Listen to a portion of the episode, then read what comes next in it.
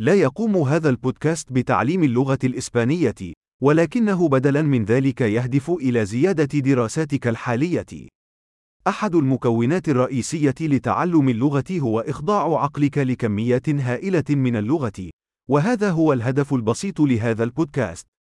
ستسمع عبارة باللغة العربية ثم يتم التعبير عن نفس الفكرة باللغة الإسبانية. كرر ذلك بصوت عال قدر الإمكان. دعنا نحاول.